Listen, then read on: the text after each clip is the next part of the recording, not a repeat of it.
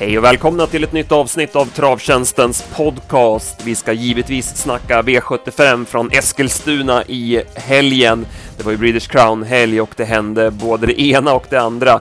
Sen blickar vi givetvis framåt precis som vanligt. Jag heter Andreas Henriksson, jag har med mig P.A. Johansson. Ja, P.A., hur är läget idag? Ja men det är bra. Eh, lite mm, ja, men, urlakat måste man säga efter en helg i Eskilstuna. Det var ju otroligt händelserikt. Det var bra sport men det var ju som du säger mycket annat som hände också. Det ska vi väl komma till senare. Ja, det ska vi göra. Eh, vi börjar med tävlingen och eh, du håller i veckans tävling.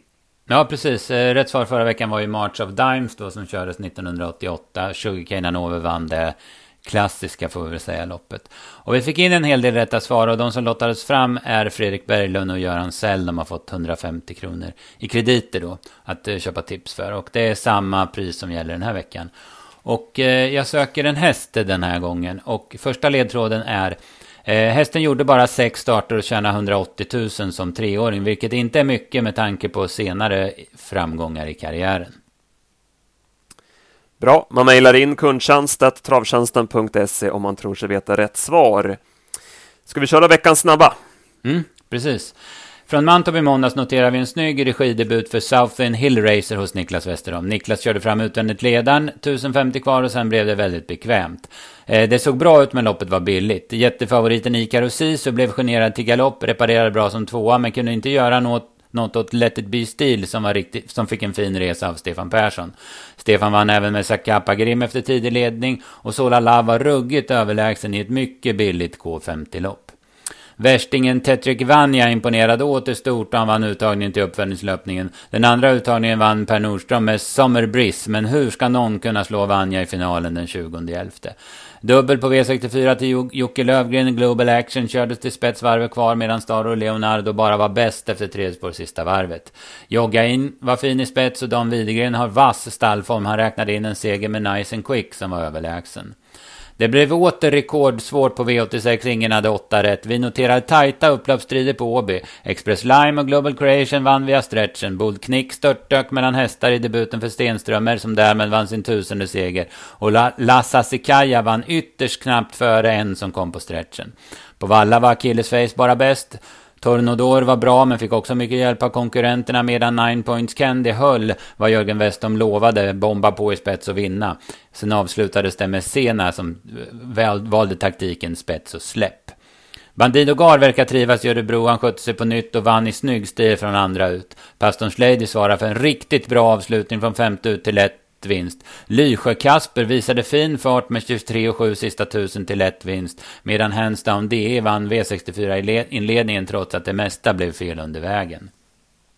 Jäklar vilken händelserik V64-omgång vi fick i fredags. Först körningen i omgångar för och emot, eller mot Tangen Frick och vilken prestation han gjorde. Sen kriget mellan Sandra Eriksson och Ove Lindqvist i V64 5. Det var inte snyggt av Sandra men hennes Gasolin Miras vann i alla fall loppet. Super-Sara var fin, backade loss direkt, fram utvändigt ledan 1500 kvar och krigade sig till seger. Agen Kronos ser jäkligt fin ut men han tappade stilen lite sista 50 men höll ändå undan medan det har lossnat för Hesiod som vann tredje segern på kort tid efter tre års segertorka. Jättebra. Strålande sammanfattning och så ska vi givetvis gå igenom lite närmare helgen då. Är det någonting mm, du vill stanna precis. till? Vid? Ja, men vi måste väl även den här gången prata lite om Tetrik Vanja. Vilken jävla häst det är alltså. Ja, otrolig modell och vilket driv i ja. steget på den. Ja. ja. Nej, som du säger, den blir ju ytterst svårslagen i finalen. Mm. Det, det, är häftigt att det kommer sådana hästar. Man, liksom man såg Hail Mary då som... Ja men då trodde man hur, hur, kom, hur ska det komma någon häst som är i närheten av den. Och sen har vi Calgary Games, hans prestationer. Och sen Francesco Zetta, men det är ju en värsting som man tror kunna gå hur långt som helst. Och sen har man den här. Så nu liksom, det bara matar på. Varje år kommer det sådana här undantagshästar. Ja, nej, häftigt, helt klart. Ja, som du sa, onsdags, det blev ju för eh, svårt där. Eh, så att det var ju inget säga om att det blev jackpot. Eh, så det är en rolig omgång på, mm. på onsdag då, även om det var lite ja. tunt anmält såg jag i startlistorna. Mm. Men 19 millar i åttarättspotten, alltså det är helt, en helt sjuk pott att spela om. Så kommer det bli jättedrag också. Så, ja, det blir enorma pengar på åtta rätt då. Ja, Vi återkommer till det lite senare mm. när vi kollar veckan som kommer. Men Absolut. vi går väl nu till eh, helgen Eskilstuna som du nämnde där. Du var på plats och följde allting och vi får väl, vi ska väl börja direkt kanske med omstartskaoset som var i V75 3. Eh, ta oss igenom det här Pia. Ja. Eh, det, det, blir omstart. Man, man släpper iväg starten ser, och ser vad som händer. Disco Volanter tar spets av Hanson Bread och blåser man av. För att eh, både Disco Volante och Hanson Bread var ungefär 20-30 meter för sent upp till vingen. Man ska ju vara på plats då är det 100 meter kvar till start. Man var där då 700 meter pålen passeras, då är det 60 meter kvar till start. Då är man framme i alla fall, det, det vet jag för det ser jag på tv-bilderna. Men man, man, kom dit för sent alltså. Men Eh, så ville man eh, avvakta och se vad som skulle hända. Så att man blåser ju ganska sent då, eller tar ju beslutet ganska sent. Dessutom så är det så här på Sundbyholm att man har ingen omstartsknapp i bilen. Utan det måste kommuniceras till måldomaren som i sin tur trycker på omstartssignalen. Så där har man ju ytterligare någon sekunds fördröjning.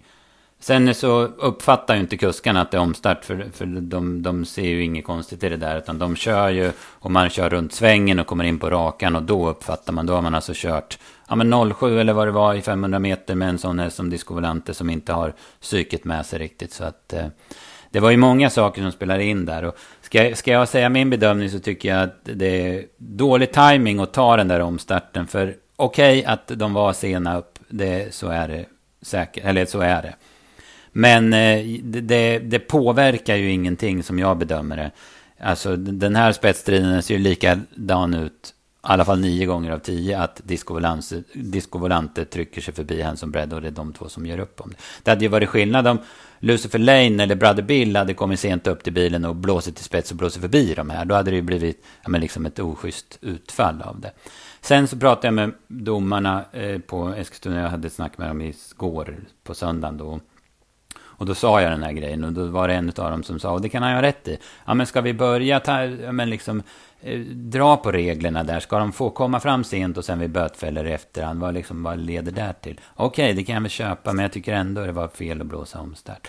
Sen sa, sa måldomaren det att han var, ja men såg att, att de skulle komma sent. Det var inte sådär att de de, de lurpassade på varann och var där men inte körde fram utan de vände sent eller körde för sakta upp eller jag vet inte. För att, så då hade man kunnat, då hade det varit helt rätt och blåst 200 meter innan, innan start så att säga och tagit om den för då hade ju ingen häst blivit drabbad. Va?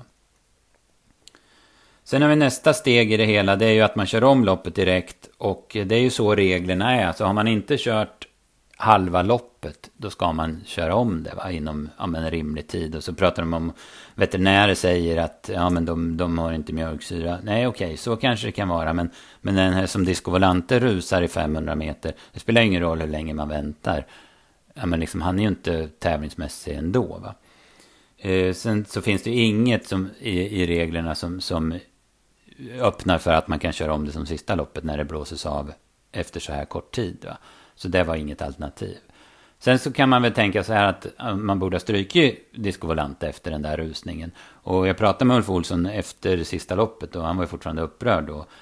Utav det här och han sa det, det är klart att jag skulle ha strykit men då hade jag ju fått hört bara att jag strök för att komma undan bestraffningen. För så är det ju. Stryker man en häst efter en omstart då får man ingen bestraffning. Då. Så då var han ju inte så sugen på det heller då. Som han sa va. Så det är ju det är, det är väldigt många bitar här. Det, och sen den där pinnen som inte sitter där. Det ska ju sitta en pinne 100 meter, när det är 100 meter kvar till start för att visa att här ska ni vara framme vid bilen. Den var, hade ju gått av och låg i en buske. Det är ju, det är ju jävligt amatörmässigt. Men det tycker inte jag är den stora grejen. För Ulf Olsson och Carl-Johan Jeppsson, de kör ju så jäkla mycket lopp. Så de vet ju när de ska vara framme vid bilen. Va? Sen så, så är det ju det där med att den här regeln som säger att huvudstarten får ropa till en kusk som kommer sent upp, exempelvis efter galopp, kommer sent upp till bilen, så får han ropa till honom. Okej, okay, du, är, du är med, men du får inte ladda, du får inte köra från start, för då tar vi en flygande. Det ska han ha sagt till Jeppsson och Olsson, men att de inte hörde det. Och det, var ju tydligt, det visade sig tydligen i efterhand också att det var en, en, en dålig högtalare. Så det, det är många saker som är, som är dåliga, alltså som, som, som Beholm har inte fått till här. Och sen så felar kuskarna lite grann såklart och sen tar man den här omstarten. Det, det vart jäkligt, eh, ja men det vart jäkligt dåligt hela skiten alltså. Man skulle inte ha tagit omstarten. Det, det är min take på det. Nej. Nej, som du säger, det är ju märkligt där att de inte ens har en omstartsknapp i, i bilen. Eh, för det har de väl på, i alla fall på vissa banor. Ja, som jag uppfattar det när jag pratar med, med domarna där i Eskilstuna så, så finns det, jag visste inte det själv, va, men, men tydligen så är det så, det skulle ju vara helt givet liksom. Ja, det borde ju finnas i alla bilar och sen mm. borde det vara ordentliga högtalarsystem såklart. Ja, ja men precis. Eh, sen det där med pinnen, det är ju, det är rena skämtet. Jeppson sa väl efteråt att han hade sagt till om det redan i V751. Mm. Ja, precis. Sen ser det ju så jävla amatörmässigt ut när man går ut efter det här loppet och börjar borra i backen och sätta dit den där pinnen med tv-kamerorna rätt i nyllet. Ja, men då framstår man ju bara som en clown. Va? Ja, verkligen. Nej, och sen den, den regeln som du säger är ju ganska ny, va? Den har väl bara funnits mm, ett, ett, ett, par, par år. år. Eller, ja, och den, den tillämpas ju naturligtvis väldigt sällan. Och som det, låter, som det låter så verkar inte kuskarna vara så inne på att de vill ha den regeln nu. Nej, precis. Nu, Speciellt nu, nu när man kan behålla vingarna ute också så behöver det ju inte bli... Så är det ju. Så är det ju. Men det är ju också... Det, det vart ju en sån omstart i Örebro där, där eh, när det var V75, jag kommer inte ihåg vilket lopp, men då, då blåste man ju direkt när bilen började åka ifrån hästarna. Men då hade ju alltså man börjat trycka in vingarna. För då var också sådär att huvudstarten var tveksam om man skulle ta omstarten eller inte. Men så bestämde han sig för det i alla fall. Och då hade man börjat ta in vingarna. Och då går det tydligen inte att ta tillbaka dem. Och det förstår man ju. För förstår om häst nummer åtta laddar. För vingen försvinner. Och sen kommer den tillbaka. Då blir det, ja, du fattar. Mm. Men så, så det går inte heller va. Liksom, har man börjat, en gång börjat ta ihop vingarna så, så går det inte. Det var ju så märkligt att det tog väl en, i alla fall en 200 meter innan, mm. de, innan, de, eh, innan omstartssignalen kommer. Precis. Och det hade ju inte behövts om man hade kunnat trycka på en knapp i bilen.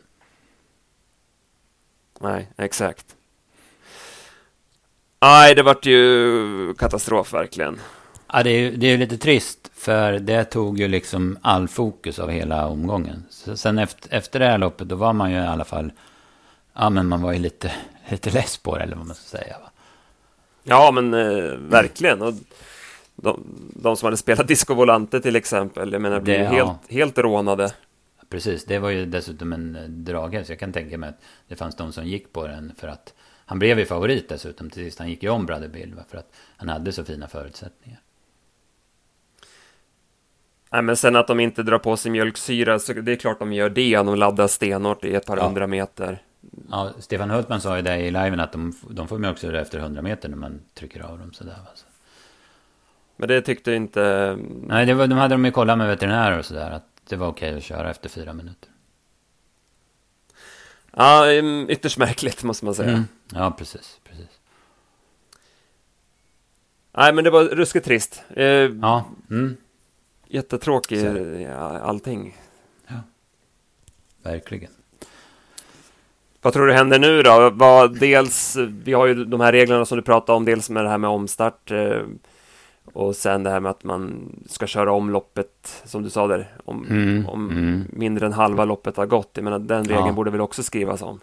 Ja, precis. Sen är det ju... Sen vet jag inte hur det funkar och det, det är mycket saker som som man måste ta hänsyn till som man egentligen inte borde ta hänsyn till. Jag menar, nu är det V75-spel och det här är ett lopp mitt i spelet.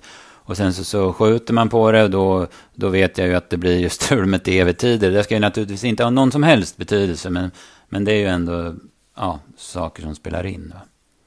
Men eh, man ska ju tänka på hästarna och man ska ju tänka på spelsäkerheten, absolut i första hand. Det är ju det, det, är ju det, det primära. Va? Ja, verkligen.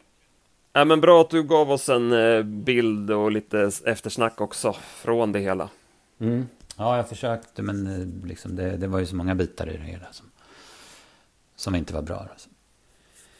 Nej, och det började väl eh, redan innan V75-tävlingarna när man inte blåste till omstart, när Comes With Age tog en flygande start mm. på V4-spelet. Mm. Ja, precis. Han var, jag pratade med Magnus Djuse också. Han var det var ju hästen som krånglade, som han sa. Han var så jäkla entömd så han kunde inte köra med den. Och sen, ja men så fick han till den. Och det är som du säger, han, han har ju...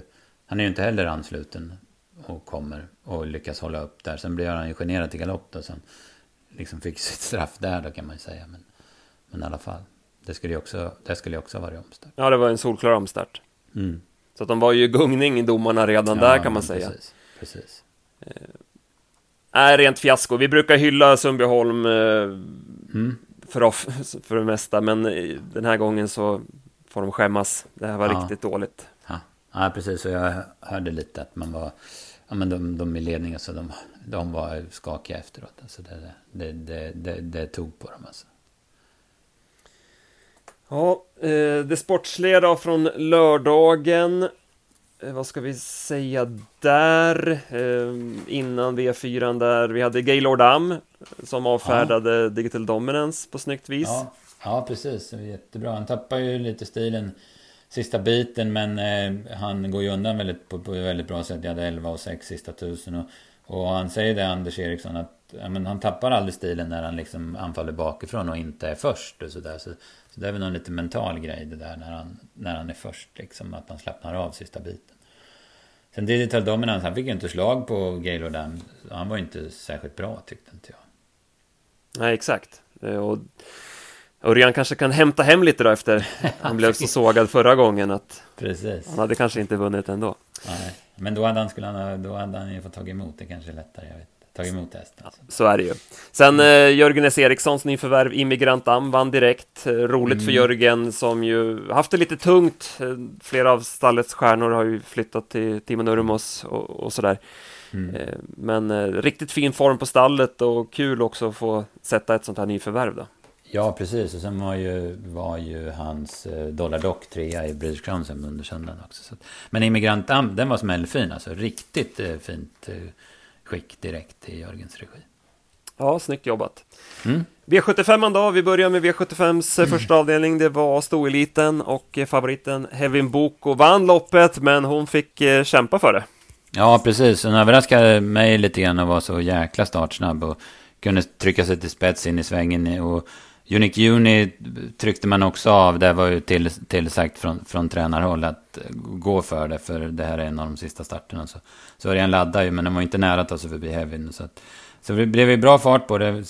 Först så var det ju utav öppningen. Sen höll väl Mika Fors ganska bra tempo. självmant till ledningen. Sen blir den ju ruskigt tufft utmanad runt sista sväng av Digital Class. Och det är ju, det är ju knappt att den håller undan för den. Och sen kommer ju Barbro Kronos och Melby Fri flygande längst ut. Så det vart ju riktigt hårt, hårt på linjen där.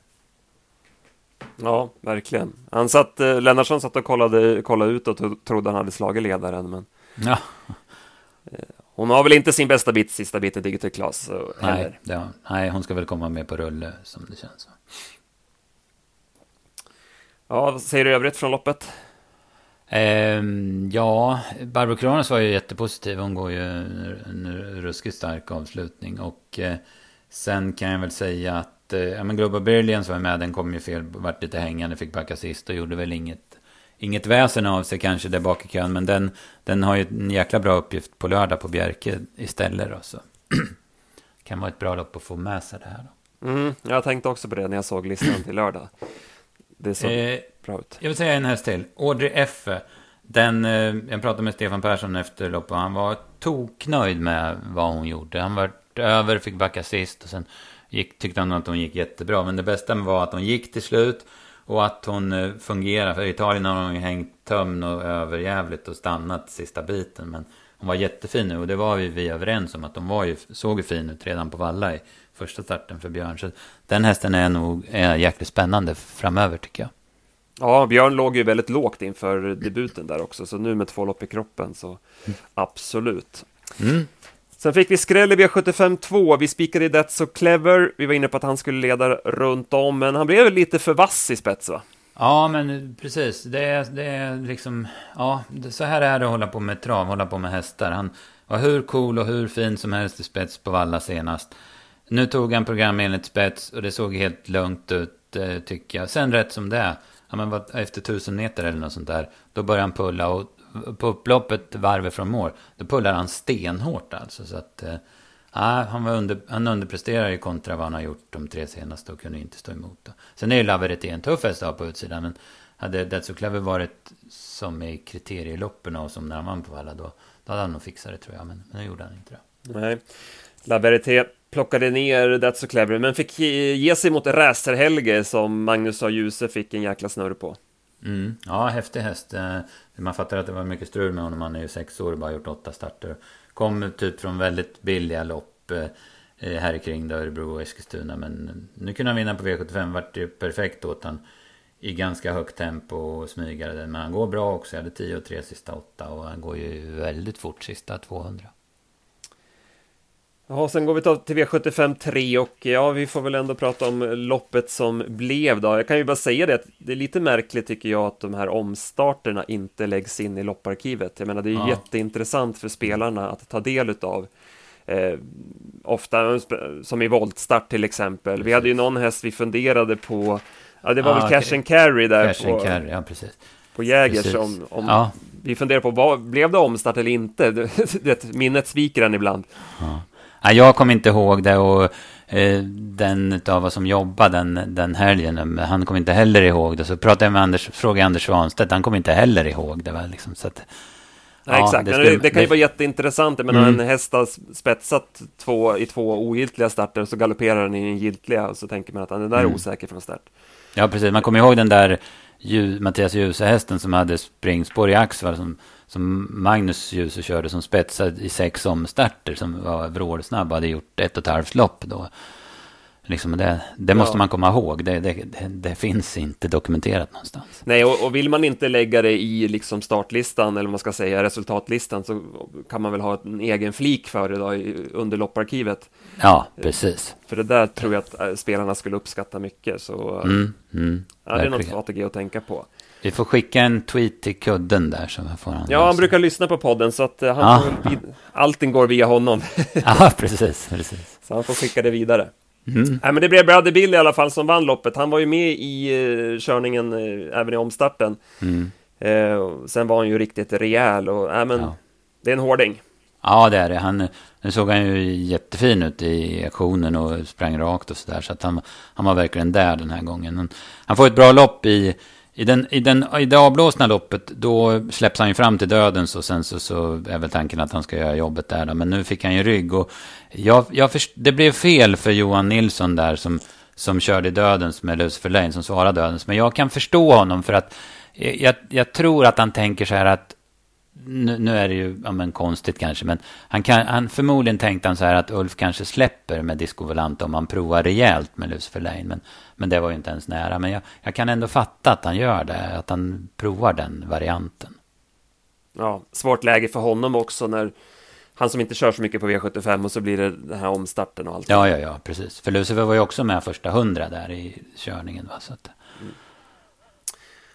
Ja, nu jag berättar från loppet som du sa, Disco Volante kastade ju in handduken tidigt.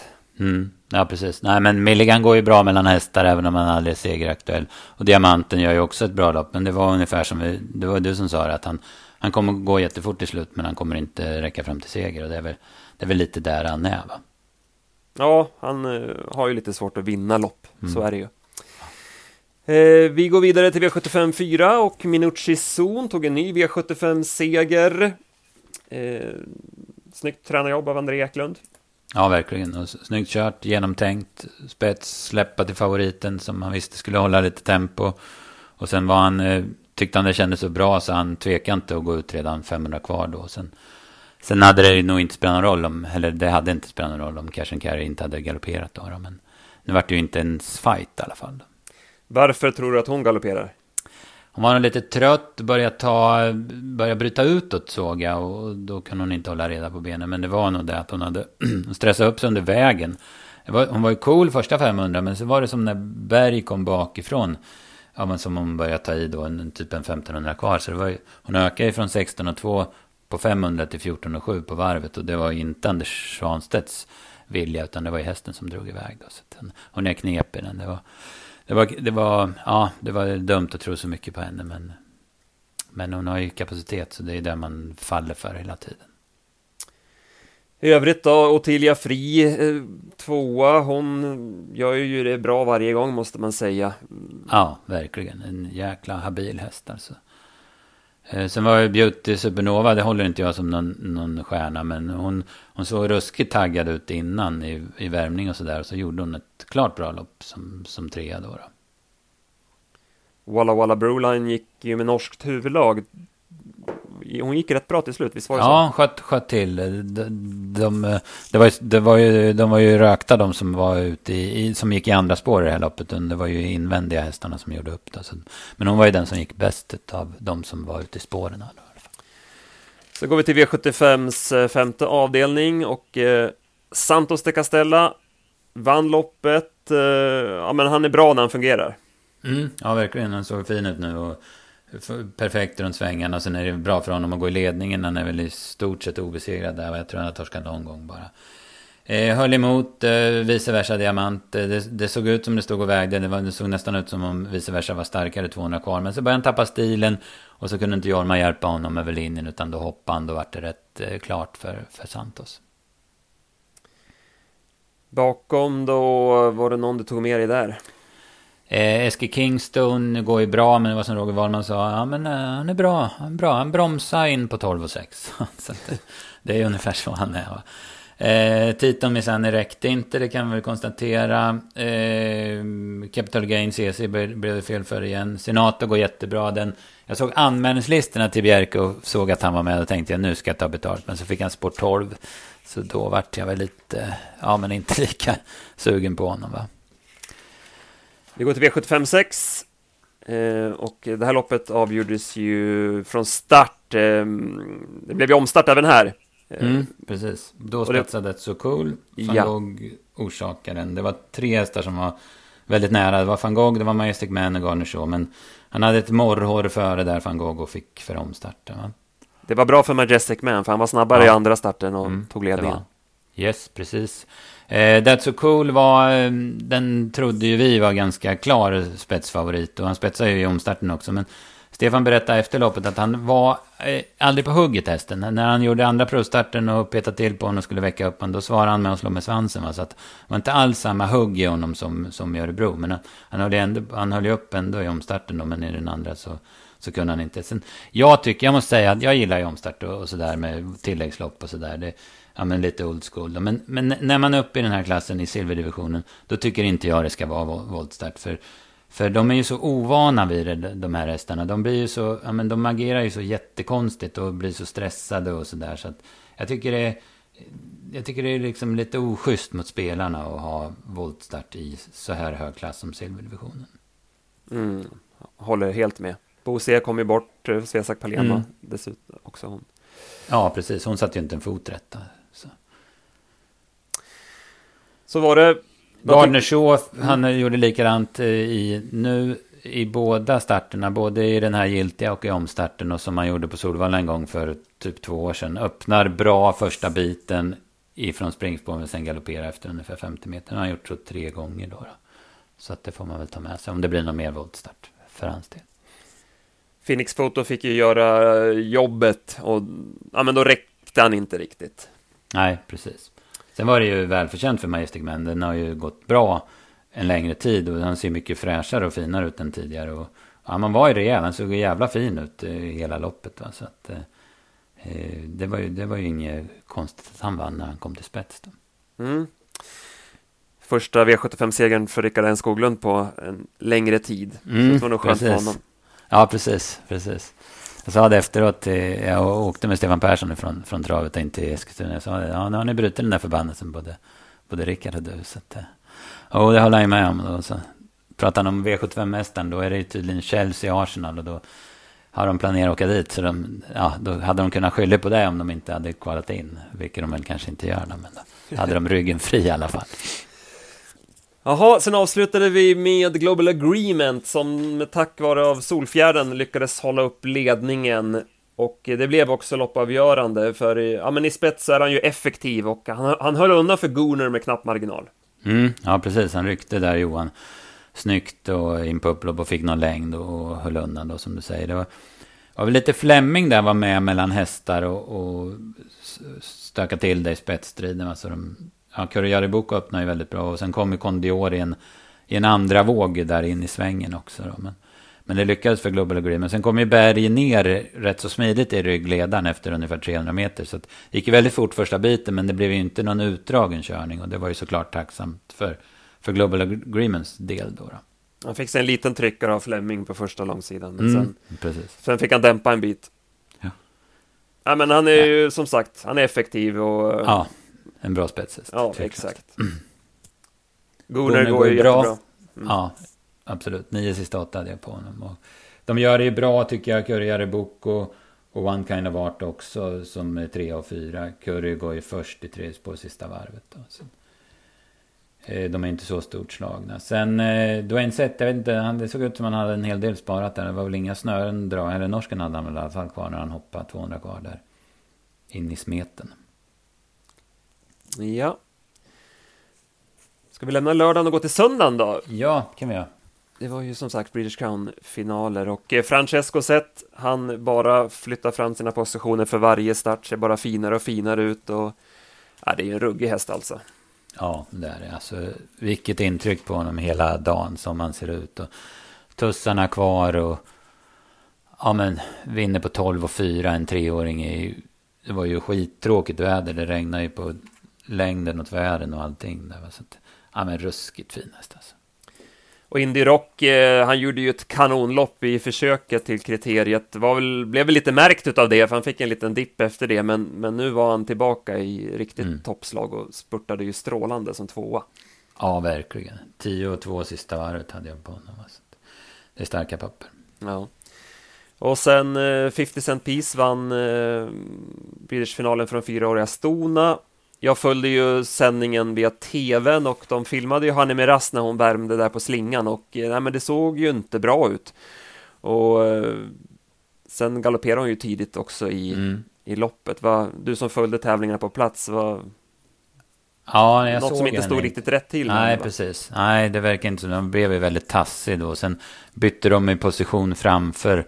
Holovam gick ut och 50 Cent Piece skulle ner precis framför nosen på henne. Hon var absolut inte så hon blev generad. Jag vet inte om, om Mörjan fick ta i henne lite grann. Och, och då rullade hon ju över. Då, så att hon, hon var inte där. Det är konstigt. Hon var ju så enormt, såg ju så enormt fin ut i uttagningen där. Så att, men nej, då vart det något, något bakslag där. Även här vart det omdiskuterat eh, körningen som blev in i första sväng när eh, Holovam galopperar i en tight mm. situation mot 50 cent piece. Magnus Djuse sa i tv-sändningen efteråt att han blev påkörd. Mm. Hur, hur, kände du kring det där? Ja, det är ju... Det där är ju faktiskt ytterligare en grej som inte är så bra. Men den är omöjlig att se för att den övervakningskameran som man har då, den står ju liksom, den hamnar ju bakifrån i den här situationen. Så det är omöjligt att se om, om det är kontakt eller om, man om Robert Berg är snäv eller inte. Va? Så att man valde att fria därför man, man hade ju inget på fötterna. Där skulle man ju, jag vet inte hur det funkar, vem som, vem som har den och betalar för den. Men man har ju en drönare på, i alla fall på lördagar på V75. Jag vet inte om den var där på söndagen också. Men det vore ju överlägset om den kunde följa fältet under loppet. Va? För då, då skulle man ju se en sån här grej. Nu hade man ju inget, inget bevis på vad som hände. Så att, då kunde man inte döma helt enkelt. Nej. Nej, så det var det. Så det, var, det blev ju loppavgörande, för då kom ju han till ledningen och... Mm. Eh, Håller man galopperar. Ja. ja. Sayonara går ju en våldsam sista kurva och hade lite grepp kopplat ett, ett, en bit där, men sen ebbar det lite grann för henne mm. och 50 Cent Piece går ju alltid till mål, så att eh, hon kontrar ju ut den ganska säkert till slut. Ja, precis. Sayonara gör ju, det går, det går ju ruskigt fort där runt svängen när hon tar över. Det gick väl lite för fort kanske, som du säger, att de blev lite matt sista biten. Då. Men sen gör ju Holovam ett jättebra lopp. Det var, det var rätt smidigt att komma tillbaka efter galoppen. Men jag hade nio, lite drygt sista åtta, så hon gör det ju jättebra. Och även Loaded Maria där, hon hoppar ju några steg från start. Och går ju också ruskigt bra och svarar ju väldigt bra på tussarna sista biten också. Vi ska ju säga det, det var ju som sagt, det hade ju regnat och banan var ju stum. Eh, mm. Och det var ju en hel del galopper. Så att, så här i slutet av säsongen och det är klart att det kan ju vara lite extra känsligt då. Men så är det ju, precis. Eh, och sen eh, går vi till eh, nästa final. Det var ju Glamorous Rain som vann eh, British Crown från treåriga Stona. Det är ju din häst, den tror ja, du alltid precis. på, så att nu ja, fick precis. du den. Men det, det gick på nålar. Ja, det verkligen. Eh, sista biten så var det väldigt nära galopp. Det, det är nog ja, i stort sett bara Örjan Kihlström som, som lyfter in den där. Då. Hon, är, hon är bra, hon går i tredje på sista 900. Och, ja, men det, var, det var hennes tur att vinna nu. Men Lara Bocco gör ju loppet. Fasiken vilken bra prestation hon gör igen då, precis som i Ox. Ja. Och visar igen att eh, det är ju tydligt att hon, hon, hon ska inte gå i ryggar. Utan hon, nej, nej. hon är bäst när hon får tuffa på där framme alltså. Och, mm. hon var, jag vet inte om Mika Fors hade kunnat lagt upp det lite lugnare, kört lite lugnare mot Red Lady, Red Lady Express och då kunna vinna loppet. Vad, vad tror du? Det är möjligt, men samtidigt får man ju förstå att han tror att det är hästen att slå när den kom till ledningen. Det gick väl 11 någonting på varvet? Ja, 11, 11 och 7 tror jag på varvet. Kanske var lite häftigt, men... Ja. Nej, hon gör ju ett jättelopp som du säger mm. och Glamorous Rain, mm. det var ju barfota runt om där, finlir med vilka boots han skulle ha och, ja. och så vidare. Det är ju så otroligt ja, små marginaler. Precis, och sen en Kenty som var fokuserad och vanlig vagn då. Funkar ju inte i biken i också. Och Örjan hade med sig sin trasa där och satte tag i ögonen. ja, det såg ju, såg ju ruskigt kul ut. Isabelle Cash har ingen flyt, hon gör ju ett jätte, blir över, men springer typ första varvet i tre Sen backar sist och sen går bra till slut. Hon har ingen flyt med sig. Nej, och det var ju lite känslan som vi skrev i analysen också, att det fanns mm. lite vingelrisk här, mm. eftersom hon inte är så startsnabb och det var snabba hästar runt omkring. Men som du säger, hon, gör ju, hon är ju väldigt bra, så hon blir ju väldigt spännande nästa år. Ja, ja men absolut. Ja, så var det. Eh, och sen avslutade vi med Jonas Prins. Här var ju smolk. Vi, eh, vi hade ju tänkt att spika San Motör här. Eh, hade feeling att han skulle vara riktigt bra. Sen ströks han sent lördag kväll. Eh, och eh, ja, men då avgjordes det här loppet mycket från start när Jonas Prins ganska enkelt tog en längd på Mr Hercules. Mm, ja, precis. Det var ju det var ingen snack från start. Sen bjöd ju Örjan verkligen upp till, till dans då. Det går ju ruskigt fort från ja, men 900 till 500. De lämnar ju de andra med 20-30 meter. Och det måste ha gått någonstans 06 i 500 meter där om, om jag ser på vad jag hade på slutrundan och vad sista 500 gick den är på den officiella tidtagningen. Då, så. Ja, det var riktigt Då var det race. Mm. Var det. Mm.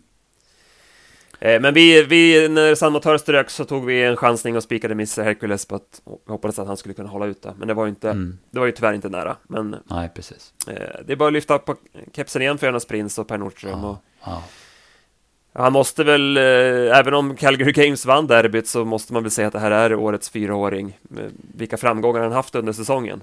Ja, precis. Eh, det, är väl, det finns väl ingen nästan på, i modern tid som har, som har tagit de segrarna som han har tagit.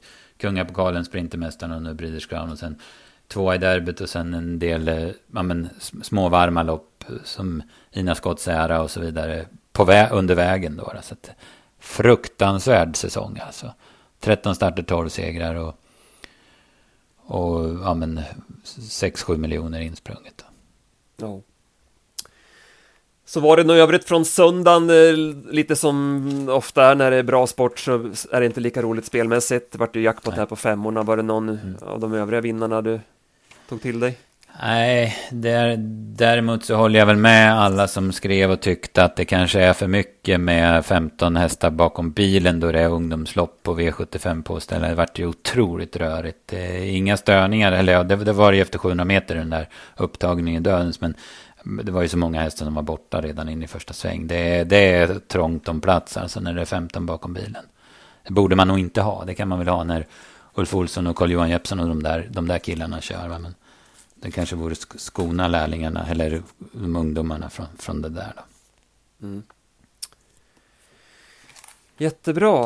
Eh, Ja, vi får nästan lämna, lämna ja. Eskilstuna där. Ja. Eh, vi börjar bli... Ja, vi, du, vi har ju glömt tävlingen här. Vi måste Ja, ja, ja. ja. Vi, vi fastnade, fastnade allt som hände på Eskilstuna. Ja, kör, kör nästa ledtråd.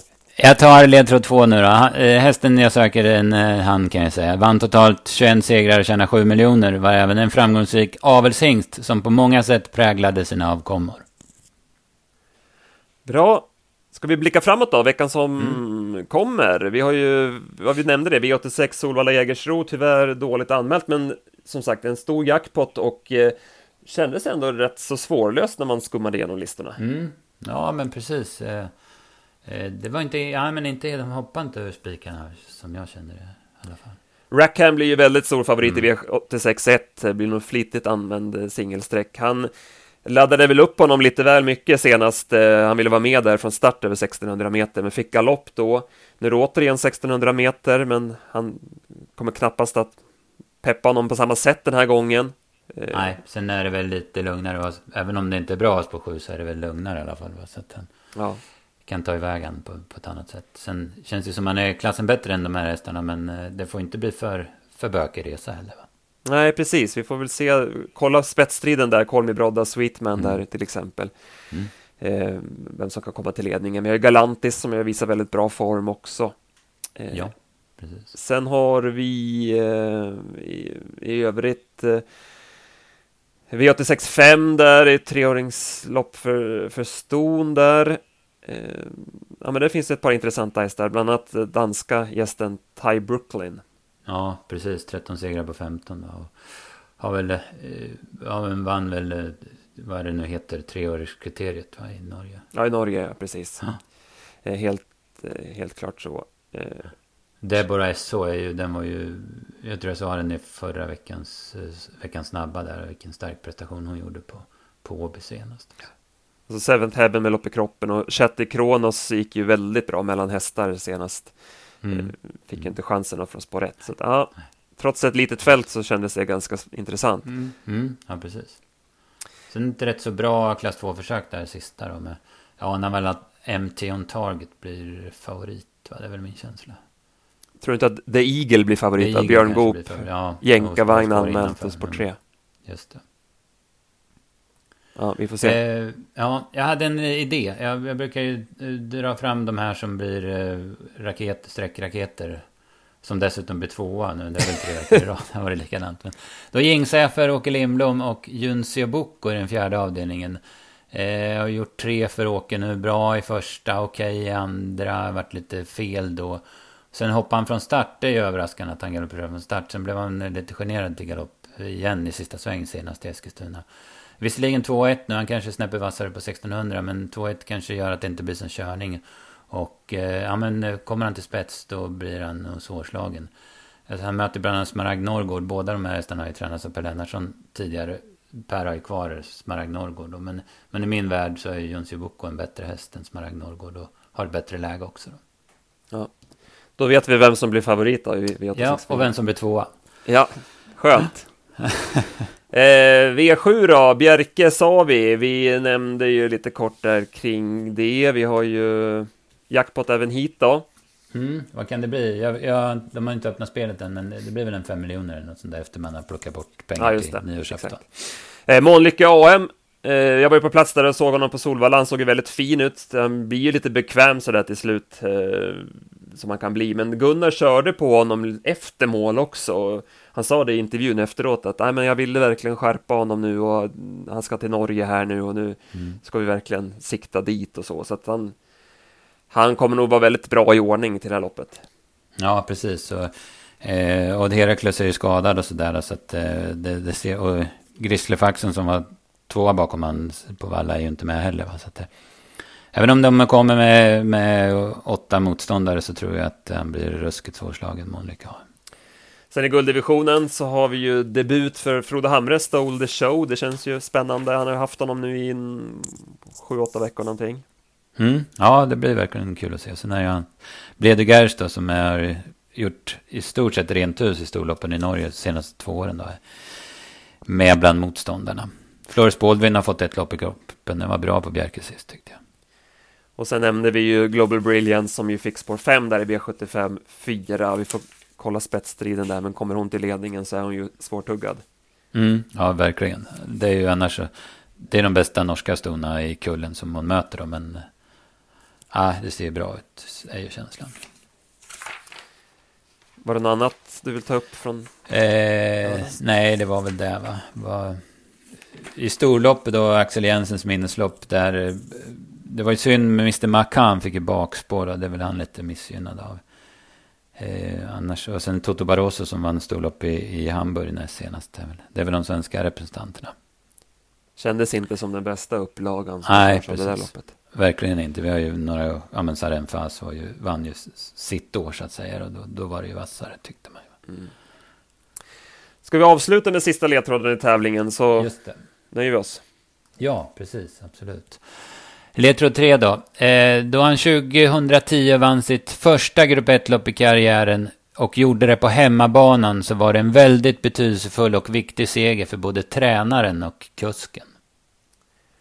Maila in kundtjänst.travtjänsten.se om ni tror ni vet rätt svar. Ja, men strålande bra PA, då får du ladda om batterierna nu efter den här helgen och ja, men precis. kika ner i lopparkivet igen. Nu är det lopparkivet, nu är det Axvall till V4 imorgon som är min nästa uppgift. Så jag ska börja grotta i den. Mm. Toppen! Tack till er som har lyssnat också, så hörs vi igen nästa vecka. Ja, tack.